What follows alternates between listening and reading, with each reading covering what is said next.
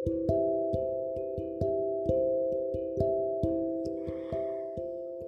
guys, balik lagi sama gua Hana Dwi Kartika di Hanpos. Hmm, pernah nggak sih lo ngerasa bahwa apa-apa yang lo gapai, lo raih, bahkan yang lo punya, itu lo selalu merasa kurang. Dan akhirnya akan memberatkan diri lo sendiri. Dan di sini gue cuman mau bilang, ayo guys, kita hidup di dunia ini harus banyak bersyukur sama apa yang kita punya karena di luar sana masih banyak orang-orang yang gak bisa kayak kita. Hidup seadanya aja. Yang penting bahagia kok.